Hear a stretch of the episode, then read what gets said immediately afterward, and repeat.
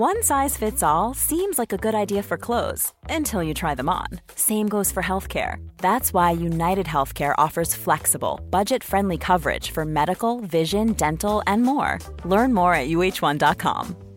Ryan Reynolds here from Mint Mobile. With the price of just about everything going up during inflation, we thought we'd bring our prices down.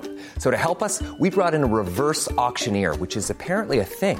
Mint Mobile unlimited premium wireless. Ready to get 30, 30, bit to get 30, bit to get 20, 20, 20, bit to get 20, 20, bit to get 15, 15, 15, 15 just 15 bucks a month.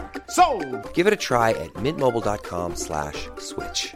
$45 upfront for three months plus taxes and fees. Promo rate for new customers for limited time. Unlimited more than 40 gigabytes per month. Slows. Full terms at mintmobile.com.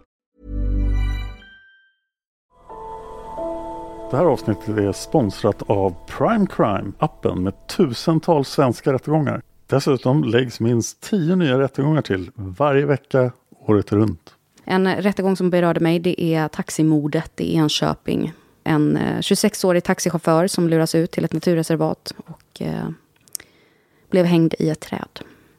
Och det är fem ungdomar som döms. En 16-årig flicka och fyra unga bröder. En rättegång jag tyckte var väldigt fascinerande var föräldrar tvingade sin dotter att dricka ättika. Så otroligt galet. Prime Crime erbjuder även en tre dagars gratis provperiod. Och skulle du välja att bli prenumerant så erbjuder de antingen månadsbetalning för 99 kronor i månaden eller ett reducerat pris på två månader vid årsbetalning. Du kan avsluta när du vill. Tack Prime Crime. Tack så mycket Prime Crime. Bye.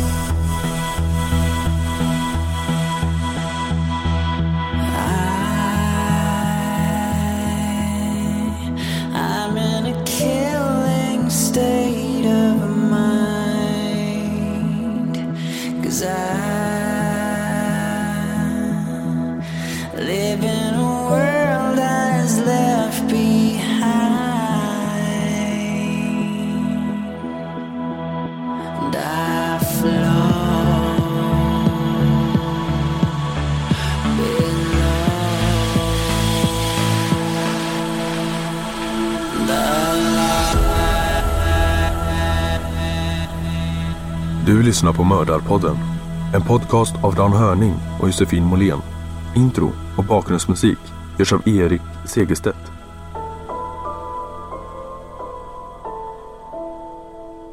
Välkommen till Mördarpodden och del fyra av Från Kremers. Hej Dan. Hej Josefin. Vad har vi eh, att säga? Vi har ganska mycket att säga då. Och det kan ju vara så att det har gått en vecka nu från att ni hörde förra avsnittet. Eller om ni är Patreon.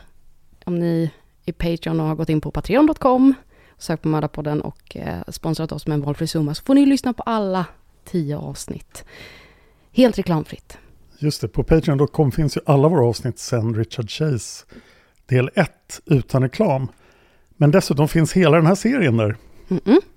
Efter en mastodontinsats av dig med klippning. Ja, precis. Det vet vi inte ännu hur det har gått med det, men det har säkert gått bra. Det kommer att gå bra. Ja. Det här avsnittet blir ett långt avsnitt. Mm. Jag har kortat ner det betydligt för att det ska bli ett avsnitt. Mm. Det hade kunnat bli tre. Men jag vill stanna kvar vid sökinsatsen. För det är det vi ska prata om idag. Så att när vi senare börjar fundera på vad som har hänt egentligen. Så ska vi veta att det verkligen gjordes en gigantisk sökinsats. Ja. Som inte, nej nu ska jag inte spoila den. Jag är inte säker på att jag vill att du ska ha kortat ner saker och ting här. Det här är så himla spännande. Jag har inte kunnat...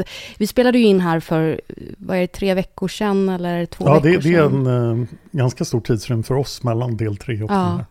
Men jag har lyssnat på eh, avsnitt ett till tre för inte så länge sedan. Och jag- jag vill ju bara höra, jag har bara längtat efter den här stunden för att komma hit till studion. Du har ju till och med satt på brasan här.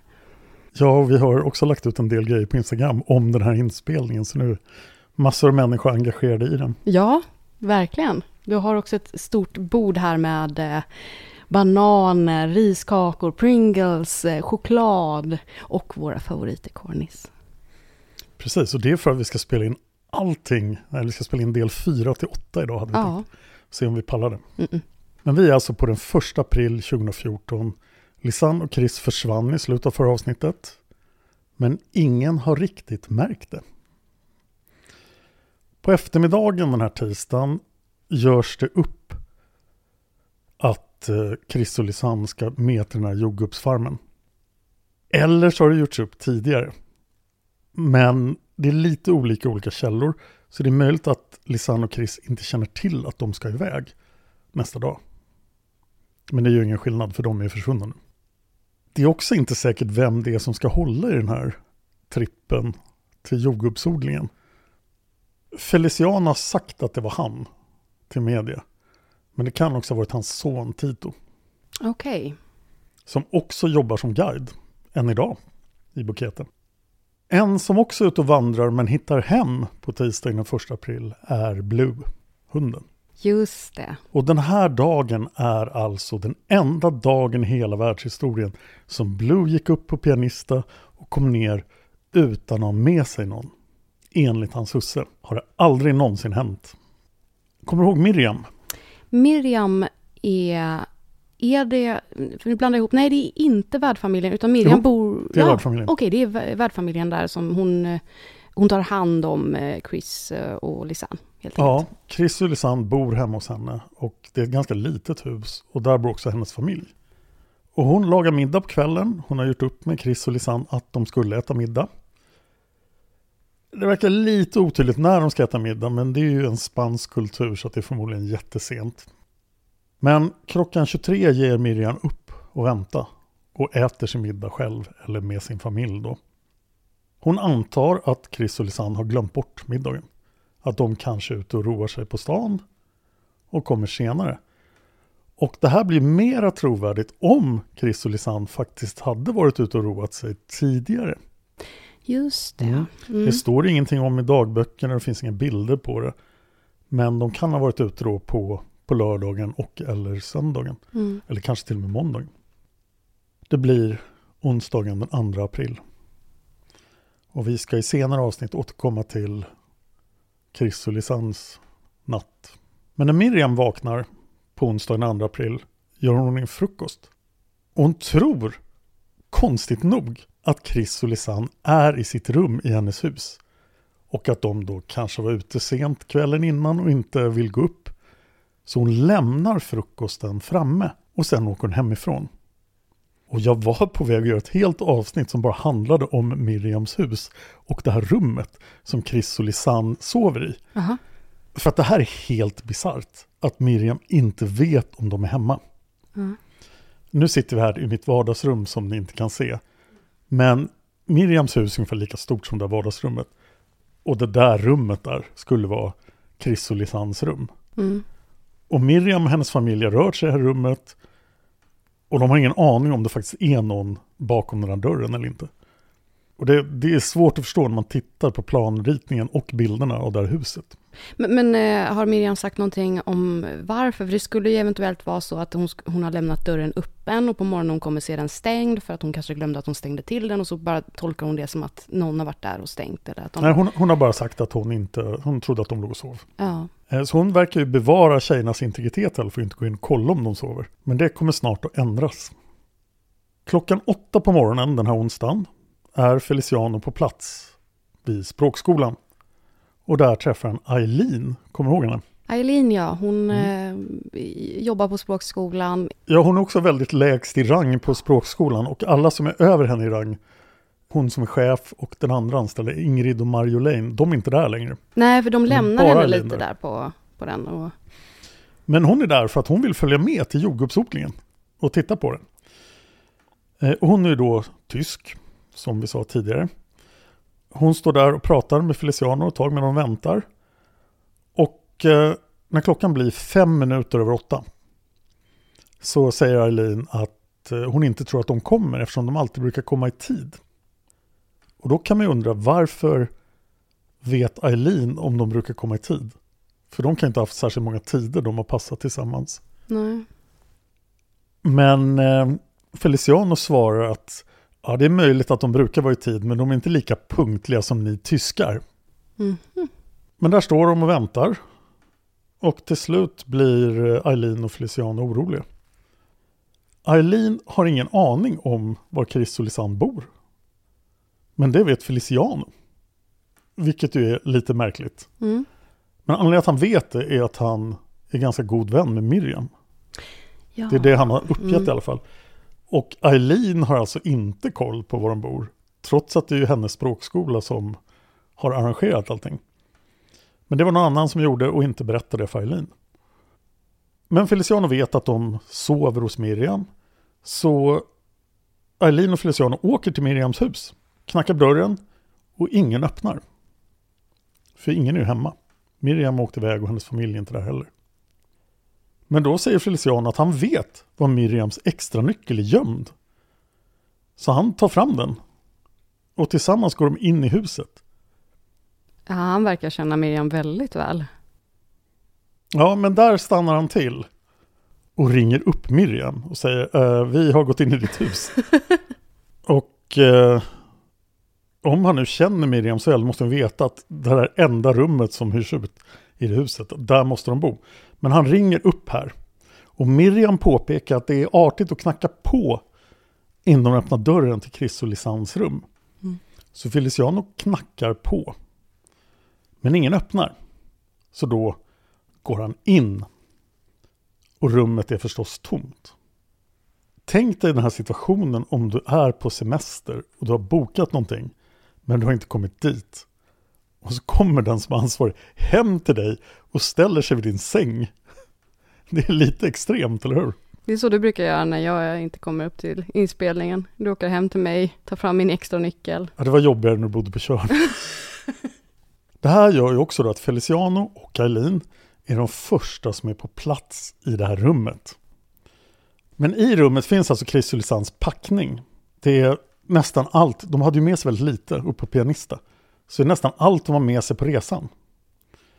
Och på det här sättet blir det alltså Feliciano som är den första personen som kommer in i deras rum. Och det här rummet kan ju möjligtvis innehålla viktiga bevis. För här ligger dagböckerna och en massa annat. Men det kommer att bli ett antal människor som rotar igenom det här rummet innan polisen ens kommer hit. En fråga. Ja, Eileen, är hon med i rummet hela tiden när eh, eh, Feliciano är där? det är min uppfattning att hon är det. Mm, 100% hela tiden. Alltså hon ser om han skulle plocka på sig någonting eller? Nej, jag tror att han mycket väl skulle kunna plocka på sig någonting. Mm, Okej. Det finns också ett eh, väldigt tydligt visitkort från Feliciano som ligger i rummet. Men han sa ju i förra avsnittet att han aldrig hade pratat med dem. Vad svarar han på det då? Olika saker. Alltså? Eh, Feliciano har fortfarande Miriam på telefonen och eh, påpekar nu för henne att de är faktiskt inte alls i huset. Miriam blir väldigt förvånad, hon var helt säker på att de var hemma. Feliciano säger att han nu hävdade för både Miriam och Eileen att nu borde de ringa polisen.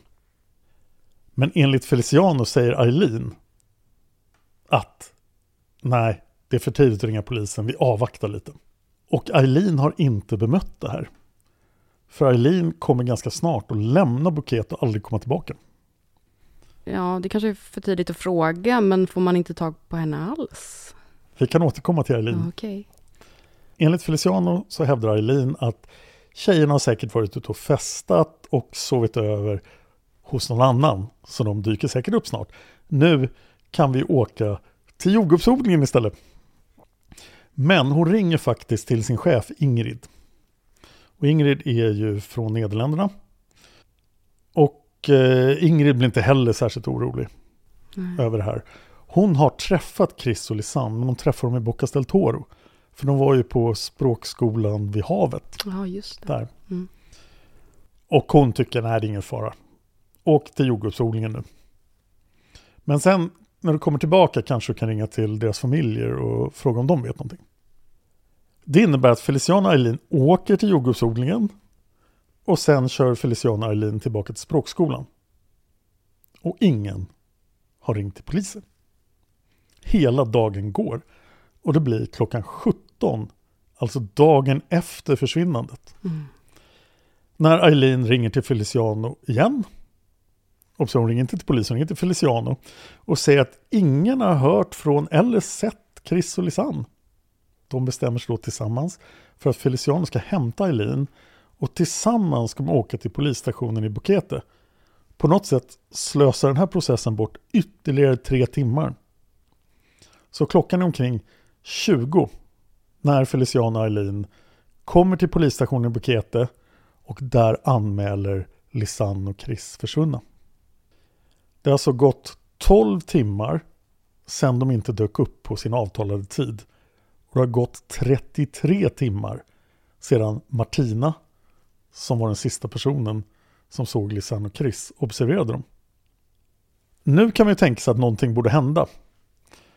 Polisen tar emot anmälan men det är alldeles för sent på kvällen för att göra någonting. Det har ju formellt inte gått 24 timmar sedan de försvann eftersom de observerades som försvunna först när de missade sin avtalade tid på morgonen. Så polisen vill gärna vänta tills imorgon.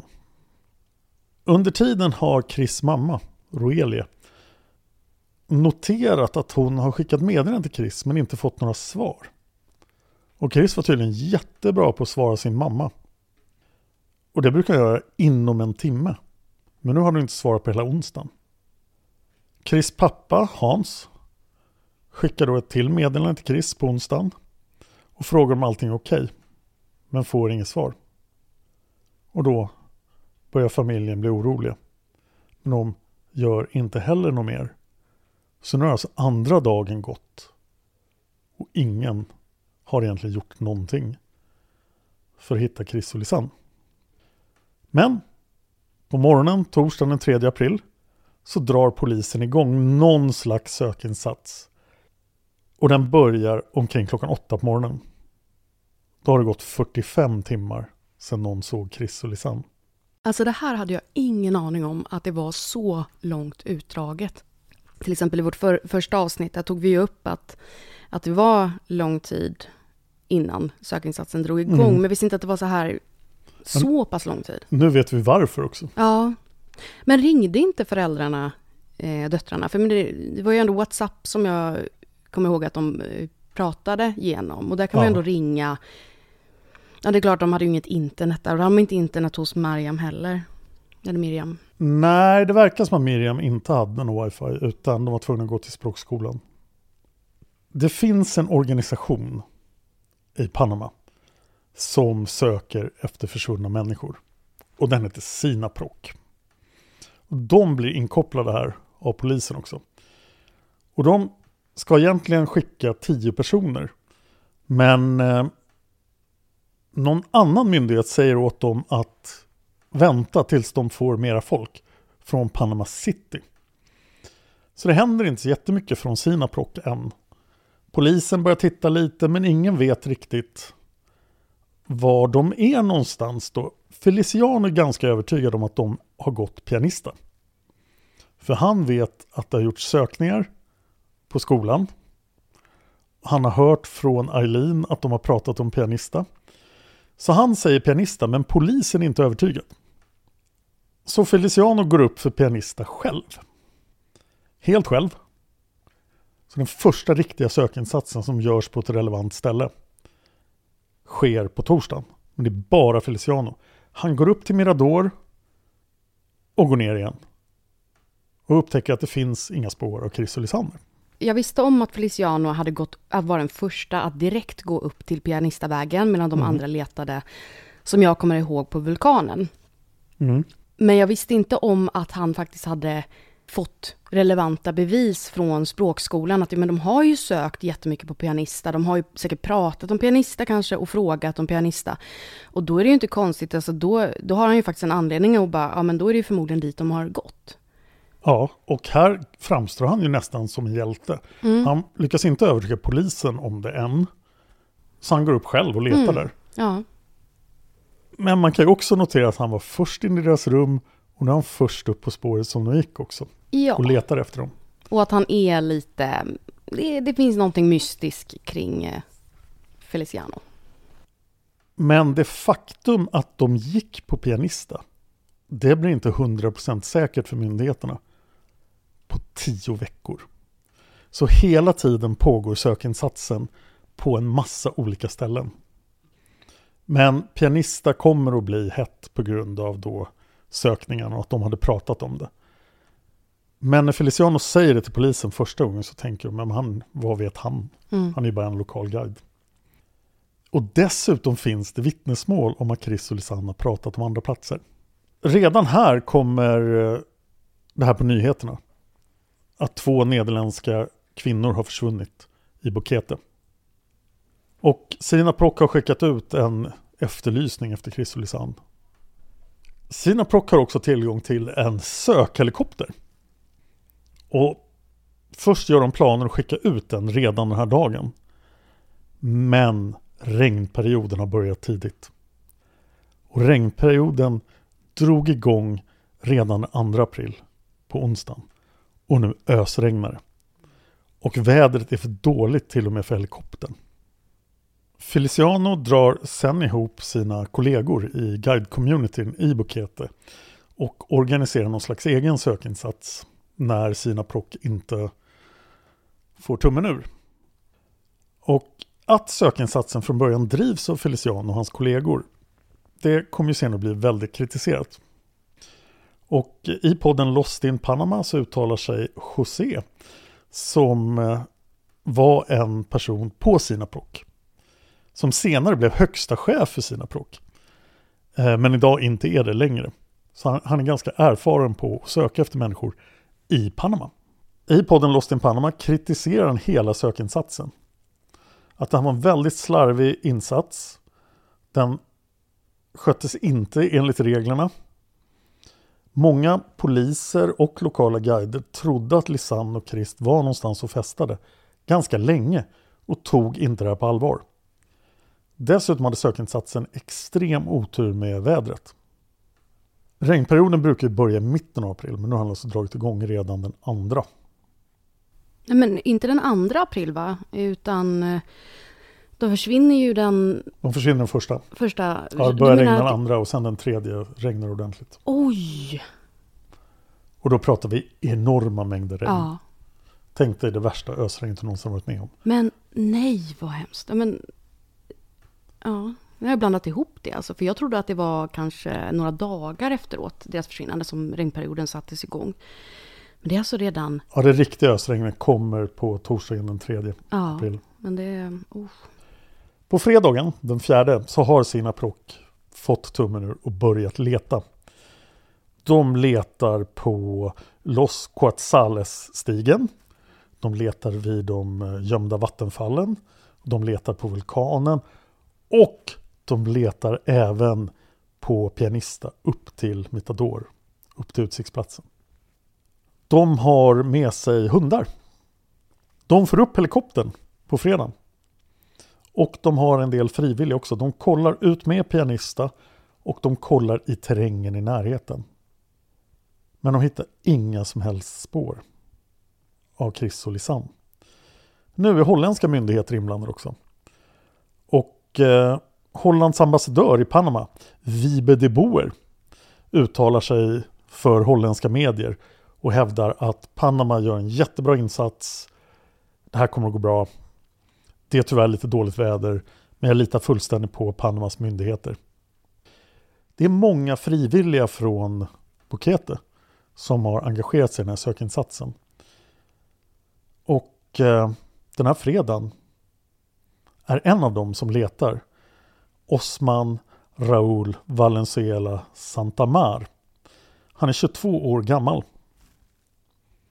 Han är med på dagen på fredagen. Men eh, senare på fredagen mördas han i Bukete. Det här skulle kunna bli ett eget avsnitt av Mördarpodden. Mordet på Osman i Bukete. Men det är alltså den 4 april 2014 blir han mördad. Och jag ska berätta mer om det här mordet i avsnitt 9. Det ser ut som en olycka först. Men Panamapolisen kommer att ändra det till ett mord. Senare. Lördagen den 5 april händer det en ganska underlig sak. På en stig som går upp till vulkanen.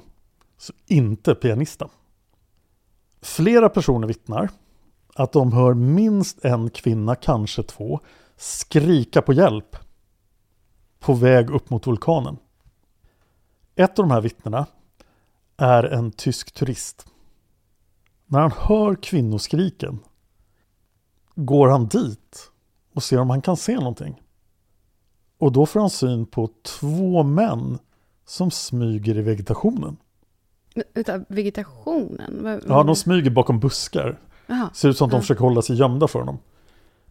Och då blir han jätterädd. Kastar sin vattenflaska och springer. Och han springer rakt till polisen i Bukete. Och säger, några försvunna tjejerna från Nederländerna är där uppe på vulkanen. Jag hörde dem skrika. Det var två män där. Så det här stör ju sökinsatsen kan man lugnt säga. Mm. Polisen tar sig upp på vägen mot vulkanen. Det verkar vara i närheten av de gömda vattenfallen. Det vill säga en plats som Chris och Lisanne har pratat om. Mm. Så massiv sökinsats där uppe. Polisen hittar den tyske turistens vattenflaska. Men ingenting annat. Inga kvinnor, inga mystiska män som smyger i skogen. Och till slut avskrivs där. Finns det någon information om vittnet? Eh, Alltså, är det en trovärdig källa? Ja, han verkar ha varit en vanlig turist. Långt senare hittas det också en underlig plastpåse ganska nära den här platsen. Den plastpåsen innehåller lite skräp som är från en butik i Bukete. Som Chris hade besökt på morgonen. Enligt polisen i Bukete, på morgonen innan hon försvann. Och hon hade fastnat på en övervakningskamera. Men den här filmen har försvunnit. Men polisen i Bukete säger att de såg filmen innan den försvann. Och hävdar att det var Chris som var inne i den här affären och handlade. Och i plastpåsen som hittas på vägen mot vulkanen ligger då saker från den här butiken. I princip omslagspapper. Det är inte förrän bilderna kommer fram som man blir helt säker på att de har gått på pianista. Men det är till och med så att det finns de som inte är övertygade om att de gick på pianista alls än idag. Ja, men det är många som har handlat i den butiken. Och många som slänger skräp i naturen också. Ja, det, det lär det vara. José, han som senare blev chef för Sinaproc. Han säger i sin intervju i Lost in Panama att han var jätteupprörd vid det här läget. Att det verkar som att Feliciano och polisen söker längs samma vägar om och om igen. Men ingen gör ett ordentligt rutsök i terrängen. Så för att vara försvunna hade Lisanne och Chris bara behövt gå ut 100 meter i terrängen så hade ingen hittat dem. I alla fall i det här skedet. Det ösregnar fortfarande hela tiden och det är då givetvis ganska farligt att gå ut i djungeln. Feliciano håller sig inte borta från media. Han verkar jobba hela dagarna med det här. Och försöka hitta Lisanne och Chris. Och han uttalar sig i media. Och just här, på lördagen, den 5 april, så säger han i media att de borde ha hittat Chris och Lisanne nu om det här var en olycka. Och han insinuerar att det här förmodligen innebär att det har begåtts ett brott. Och han är nästan den första personen som säger det i media. Så om man vill tro att Feliciano är skum så är det rätt konstigt att han själv tar upp det här. Han är den första att besöka deras rum. Mm. Första att besöka det senaste stället de försvann på, som vi vet i efterhand. Är den första att säga att det här är ett brott. Och han var ju också den första som ville att de skulle ringa efter polisen. Ja, Först på allt, Feliciano. Och om man träffar Feliciano Bukete idag så verkar det som att han väldigt gärna pratar om det här fallet. Och framhäver sig själv som en stor hjälte som gjorde allt för att Chris och Lisanne skulle hittas. Mm.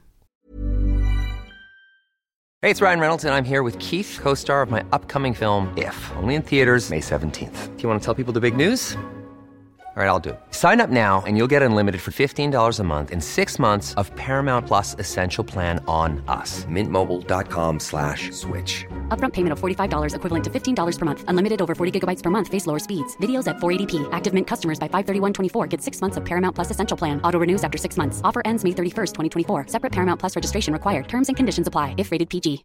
Everyone knows therapy is great for solving problems, but getting therapy has its own problems too, like finding the right therapist, fitting into their schedule, and of course, the cost. Well, BetterHelp can solve those problems. It's totally online and built around your schedule. It's surprisingly affordable too. Connect with a credentialed therapist by phone, video, or online chat, all from the comfort of your home. Visit betterhelp.com to learn more and save 10% on your first month. That's BetterHelp H E L P.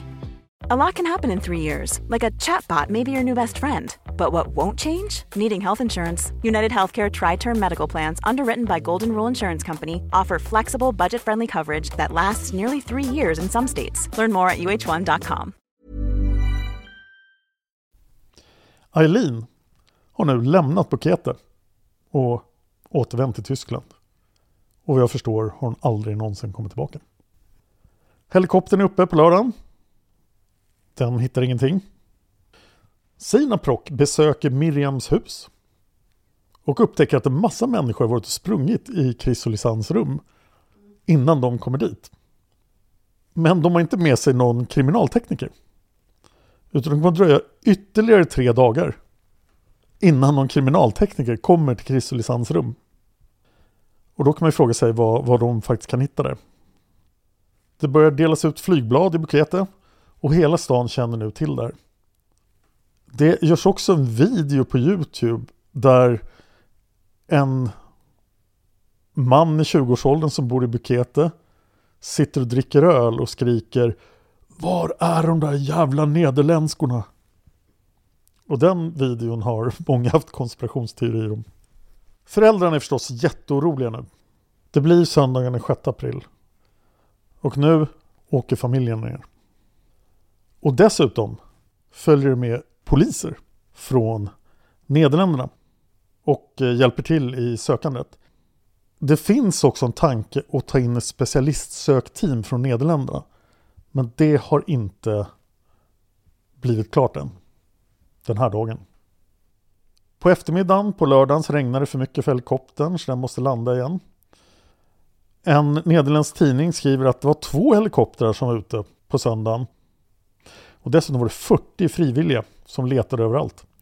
Men det blåste mycket och det var mycket moln och regn. Ett till sökteam går igenom Pianista den här dagen fast de fortfarande sökt på massa andra ställen. Utöver de 40 frivilliga är det 25 specialister på att söka i berg som söker. Så det är en ganska stor insats för det här laget. Det har börjat göra sökinsatser på andra sidan Mittador. Alltså på den här ut med Ormfloden på väg ner till Arto Romero. Och helikoptern har ju flugit där förstås mycket. Men man har också delat ut flygblad till alla av Ngube-folket som bor där. Så att de också ska hjälpa till. Ursprungsbefolkningen. Just det. Ingrid, chefen på språkskolan, hon går ut i lokalradion och säger att det nu finns en belöning på 2500 dollar för den som kan ge en ledtråd som leder till att Chris Chrysolissan hittas. I en senare intervju säger den högsta chefen på Sinaproc till Jeremy Cright, han från Daily Beast och Lost in Panama, att sökinsatsen från Sinaprocs sida faktiskt inte började förrän här på söndagen, den 6 april. Men vad det är för, för jag har fått en, eller jag har en liten fördom eh, som jag inte vet stämmer, men eh, Panama-polisen skärper till sig när nederländska polisen kommer. Ja, speciellt när de anhöriga är på plats. Mm. Och media. Ja. Men de anhöriga rör ju upp mycket damm när de är i buketen. Och då blir det väldigt fart på polisen. Den här chefen för sina prox säger till Jeremy Cright i intervjun att ingen visste var de skulle leta efter Chris och Lisanne på söndagen. Så även om Feliciano har sprungit runt och berättat om pianista och eh, språkskolan säkert har sagt också så har det inte slagit igenom än. Även fast pianista har blivit sökt. Det blir måndagen den 7 april. Och man tänker ju när man tänker på det här fallet att Nederländerna ligger väldigt långt från Panama. Mm. Men Nederländerna har alltså kolonier i Västindien. Så det är inte alls långt från Nederländskt territorium till Panama. Utan tvärtom har Panama och Nederländerna väldigt mycket handelsrelationer. Och är grannar i princip då, på grund av de här kolonierna. Eh, så nu anländer nederländsk polis från kolonierna Mm. för att hjälpa till. Det hålls en presskonferens där Panamas president berättar att Panama gör allting för att hitta Chris och Lisanne och han tackar speciellt de nederländska myndigheterna för att de har hjälpt till så mycket. Vid det här laget är Chris föräldrar i Panama men Lisans föräldrar är fortfarande kvar i, i Nederländerna.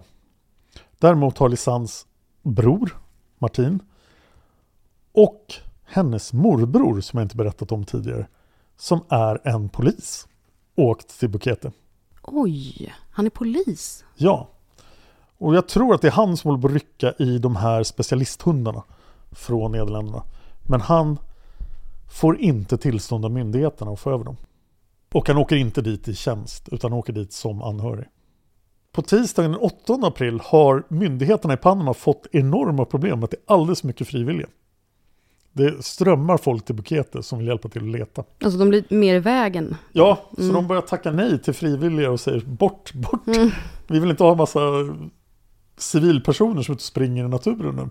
För vi måste kunna leta obehindrat. Mm. Sina Prox chef går ut den här dagen och säger att nu har de letat igenom varenda zon där tjejerna skulle kunna vara. De har letat igenom 25 olika vägar och stigar då i naturen runt Bukete. Och de har inte hittat någonting. Den här Sinaprochefen går så långt att han säger till en nederländsk tidning att han inte längre tror att de har gått vilse. Eller råkat ut för en olycka. Utan någonting annat måste ha hänt. Ett envist rykte som jag nämnde lite grann i förra avsnittet är att Chris och Lisanne åt lunch med två nederländska män på restaurangen Nelvis i Bukete innan de gick upp på pianisten. Polisen i Panama säger att de har uteslutit de här två männen ur utredningen. För de var inte viktiga. Men de är inte identifierade. Och det verkar dessutom finnas vittnesmål som säger att de inte pratade nederländska med Chris och Lisanne. Mhm. Så att de var förmodligen inte från Nederländerna. Men de har aldrig identifierats och jag tvivlar på om det här överhuvudtaget hände. Okej. För annars kan man ju tycka att det borde läggas lite energi på att hitta de här och identifiera dem. För att om man eh, äter brunch med någon så är ju en rimlig samtals, ett rimligt samtalsämne vad man ska göra under dagen. Ja. Och det är också ganska mycket att hinna med för Chris och Lisanne om de nu började gå upp för pianista vid klockan 11. Mm. Det finns också ett antal vittnesmål om en röd bil som har betett sig underligt i närheten av pianista. När man tittar på vittnesmålen från alla som har sett Chris och Lisanne på tisdagen så finns det inte ett enda vittne som säger att de var vid pianista klockan 11, vilket är den officiella tidslinjen. Och vi kommer att ta upp hur det blir den officiella tidslinjen senare. Men det finns ett ganska stort antal vittnen och de är relativt samstämmiga med varandra i tid.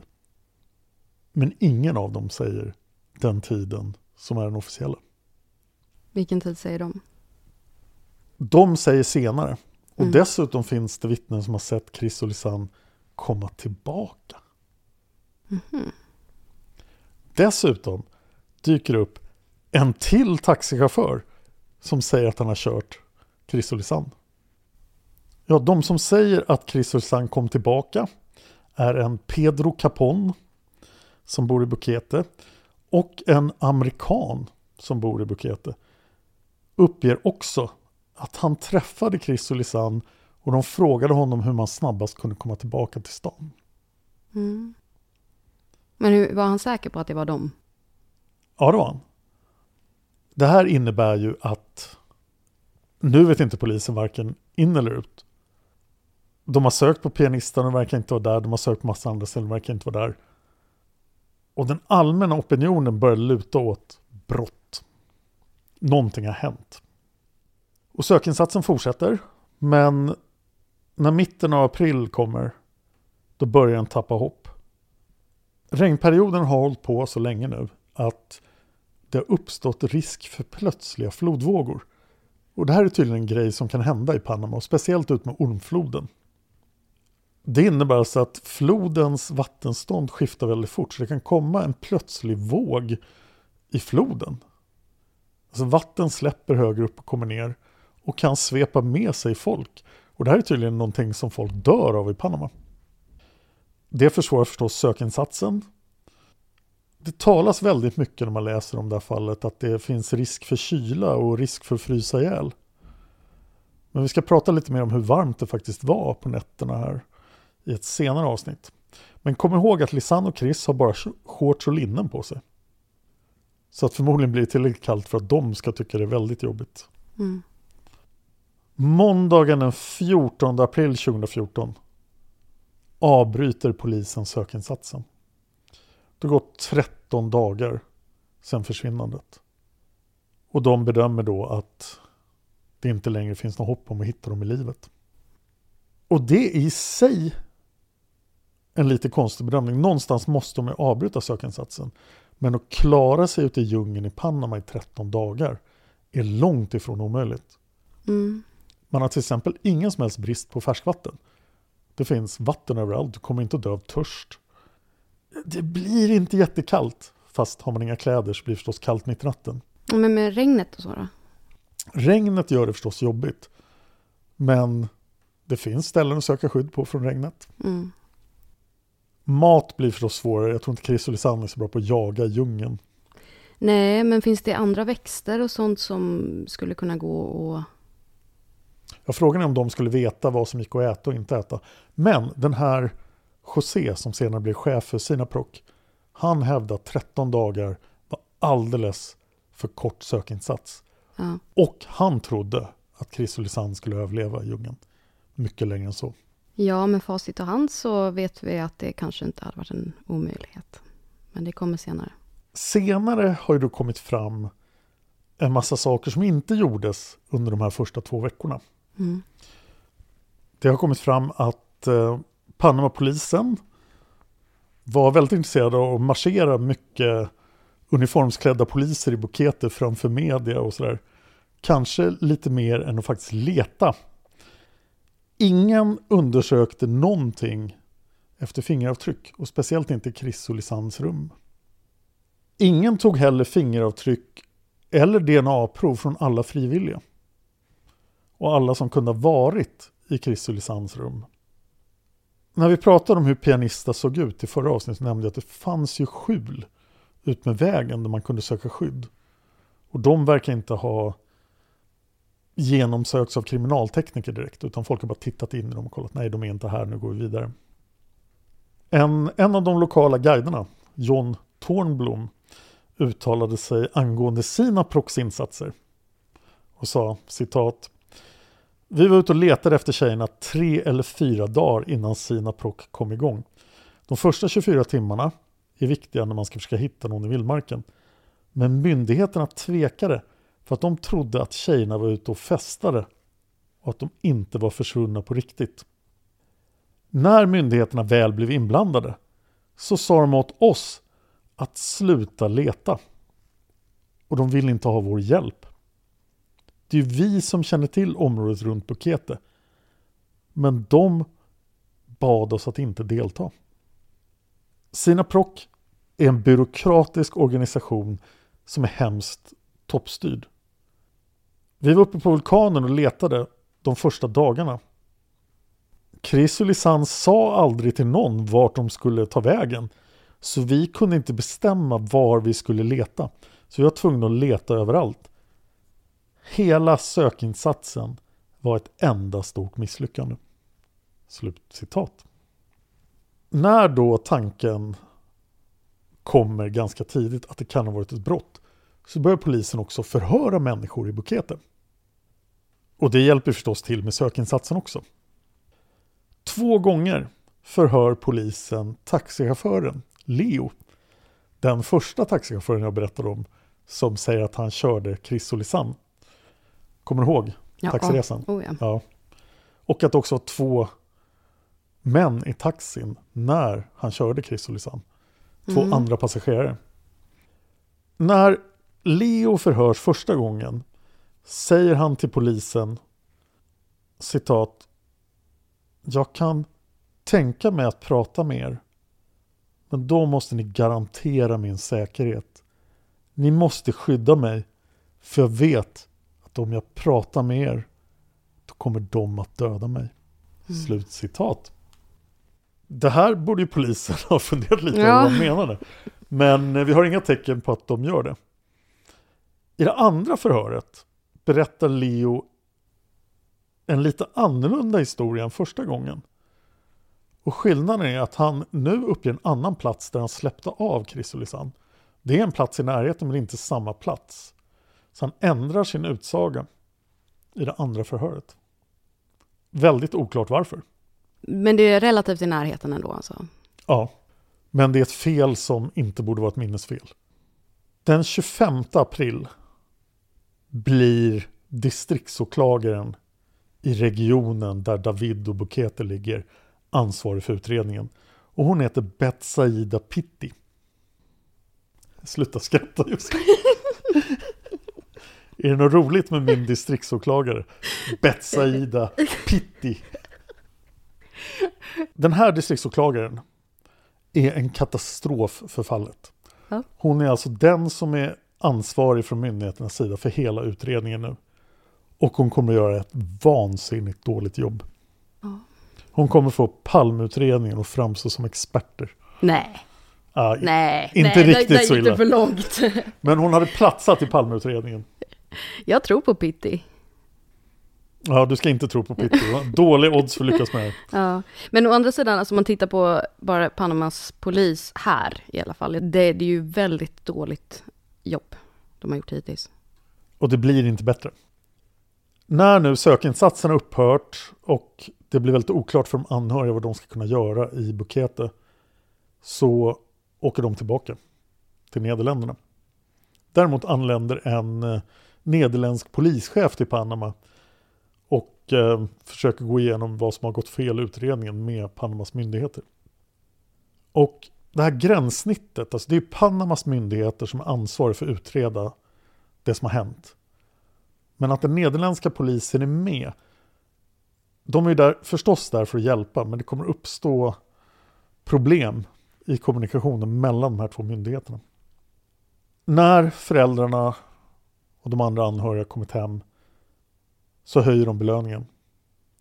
Så belöningen går upp den 30 april från 2500 till 30 000 dollar. Mm. Och när de anhöriga förklarar varför de gör det här så är det för att de anser att ett brott har begåtts. De får in 35 nya tips ganska direkt. Men inget av dem ger någon bra information överhuvudtaget. Den 16 maj kommer in ett tips till polisen i Bukete. Som säger att det ligger två kroppar ut med ormfloden. En bit in i djungeln. Och det här tipset tar polisen på allvar. Och släpper ut en karta med platsen markerad. Och det här är nära repbroarna över ormfloden. Men vem, vem, eh, vem gav det här tipset? Det vet vi inte.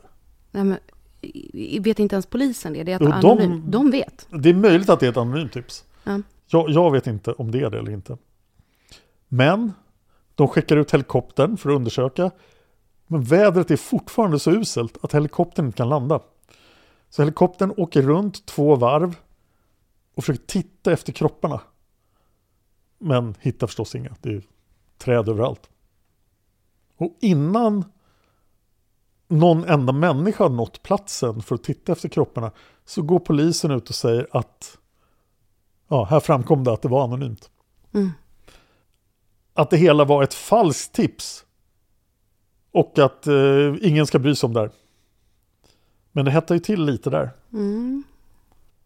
I en artikel kan man läsa att helikoptern som letar efter de här två kropparna hade en lidar, antar jag, alltså något slags instrument som kunde se skelett.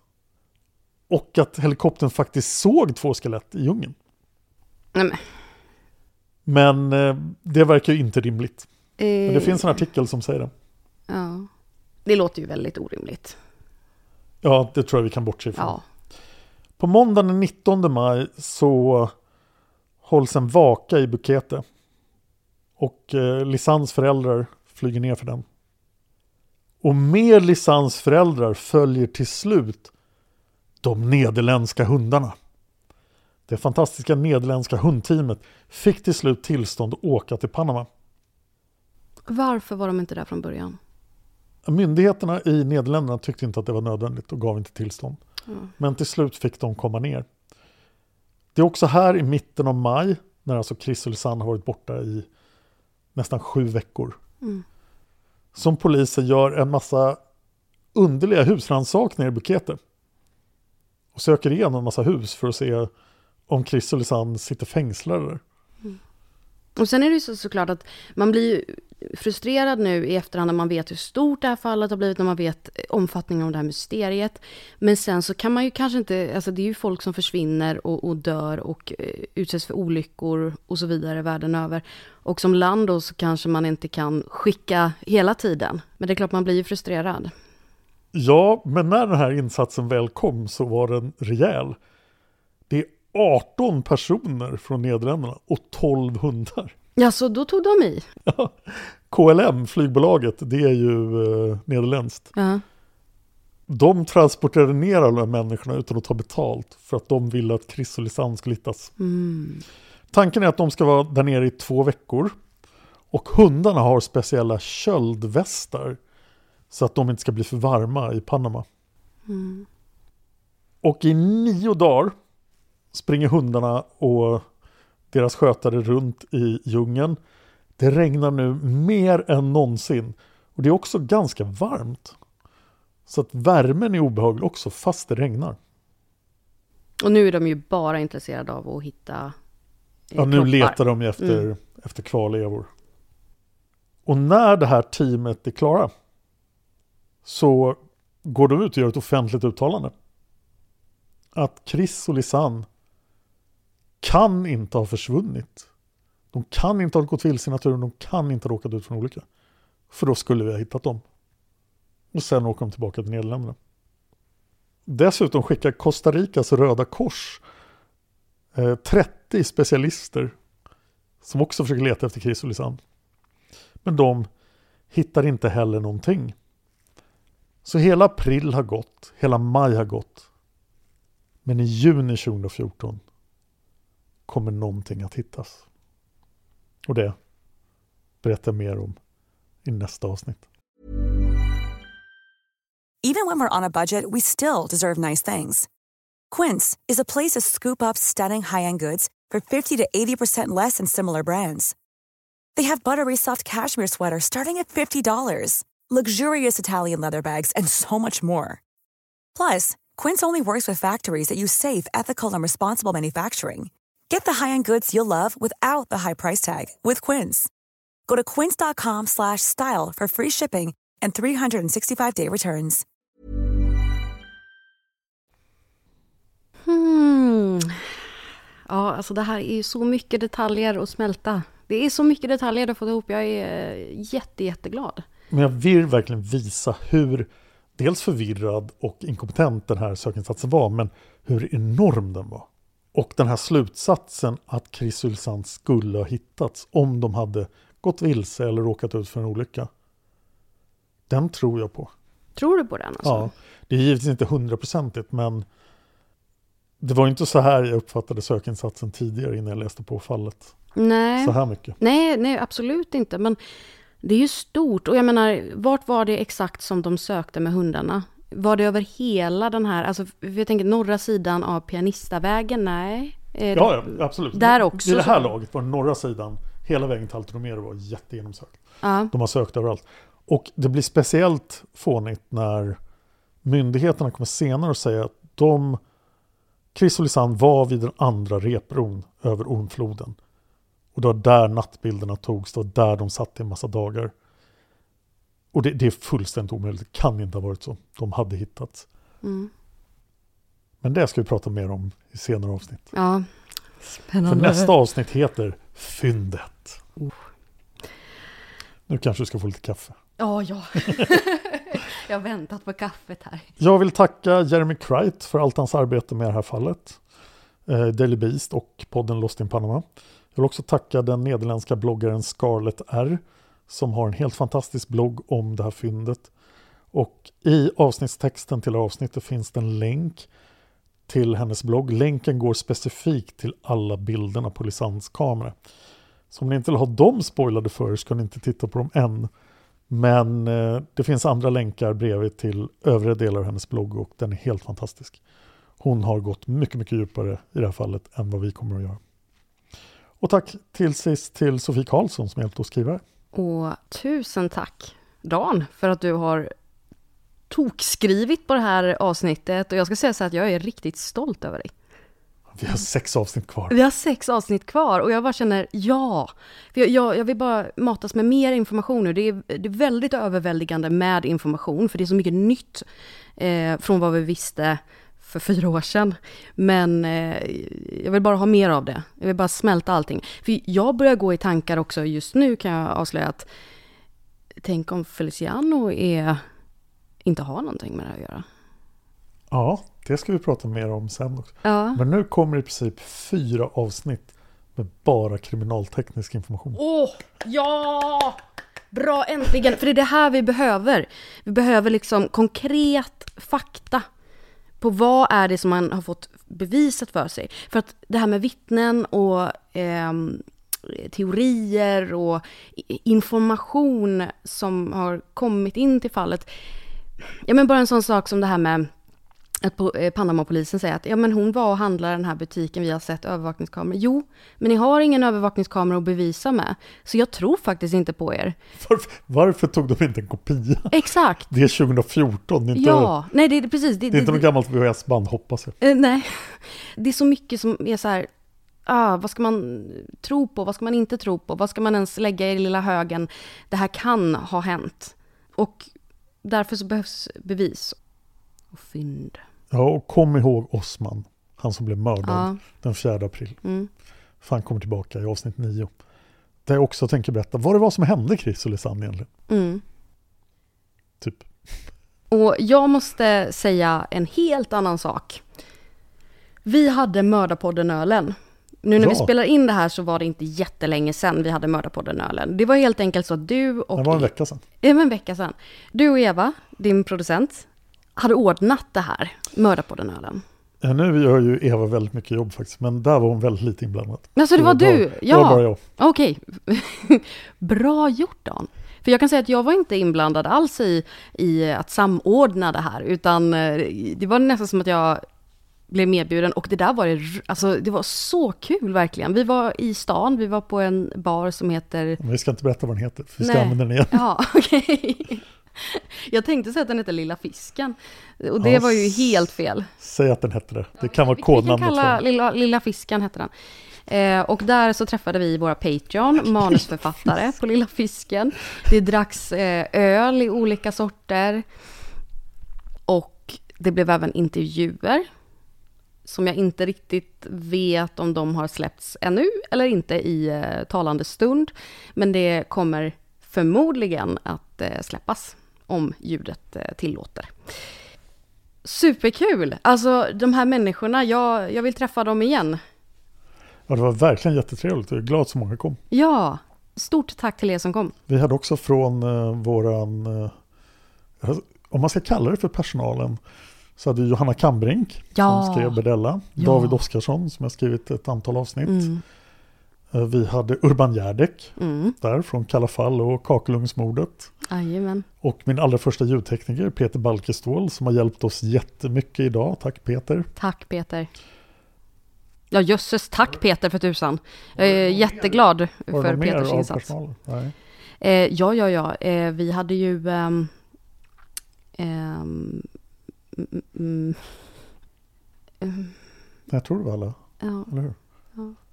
Gud vad hemskt om vi har glömt någon. Alltså shit vad hemskt. Får du klippa in det? Ja. Så var det. Så. Ja, Ja, så det kanske vi gör om nästa år. det hoppas jag verkligen. Det är kanske jag som driver det då. Jag tyckte det var en ganska bra tid på året att ha också. Ja, när det är lite så här höstigt och Men när det blir dags så kommer information på Patreon. ja.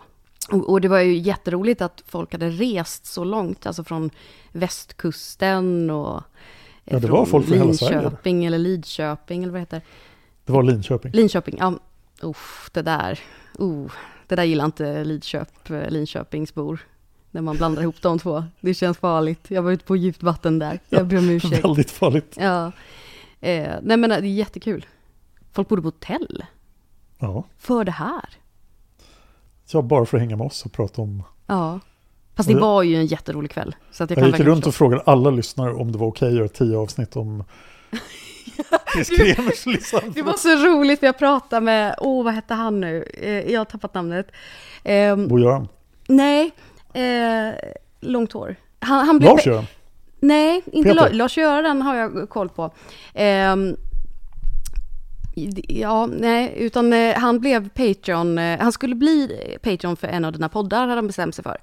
Och då så funderade han på vilken, och några dagar, dagar innan Mördarpodden-ölen så beslöt han sig för att, ja ah, men då ska jag ändå ha en, en Mördarpodden-öl. Så då blir det Mördarpodden. Var det Per? Det var Per. Mm, precis. Eh, och när vi satt och snackade, jag och Per, jättegod, eh, så säger han så här, ja, alltså Dan han kom bara förbi och, och liksom började ropa massa saker om Chris Kremers och Lisanne Frohn och det var så här, jag kunde inte prata om något, han bara styrde in på ämnet i Panama och jag bara, jo jag vet, det är en speciell period just nu för Dan, alltså han har det lite svårt att släppa det här och det, han har en speciell period. Om de sex avsnitt kan jag släppa det lite grann i alla fall. Ja. Mm. Om jag inte startar en Chris Kremers Lisanne From-podd. Men då måste nog göra den på engelska. Ja, men jag vill vara med i så fall. Ja, det är klart. Ja. Så... eh, Men det- först, Ja, avsnitt fem. ja, gud, nej, först kaffe, sen, sen du, nu vill jag starta igång direkt här. Det låter rimligt. Så, eh, Patreons, ni kan bara starta nästa avsnitt. Eh, och eh, för er andra så hörs vi om en vecka. Och det kanske också är bra för att smälta all den här informationen. Tack, eller nej, vad är det jag brukar säga? Vi ses i nästa avsnitt, så är det. Det gör vi. Det gör vi.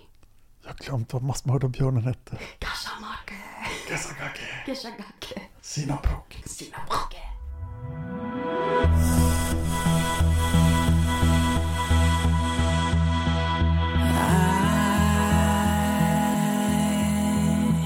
I'm in a killing state of mind.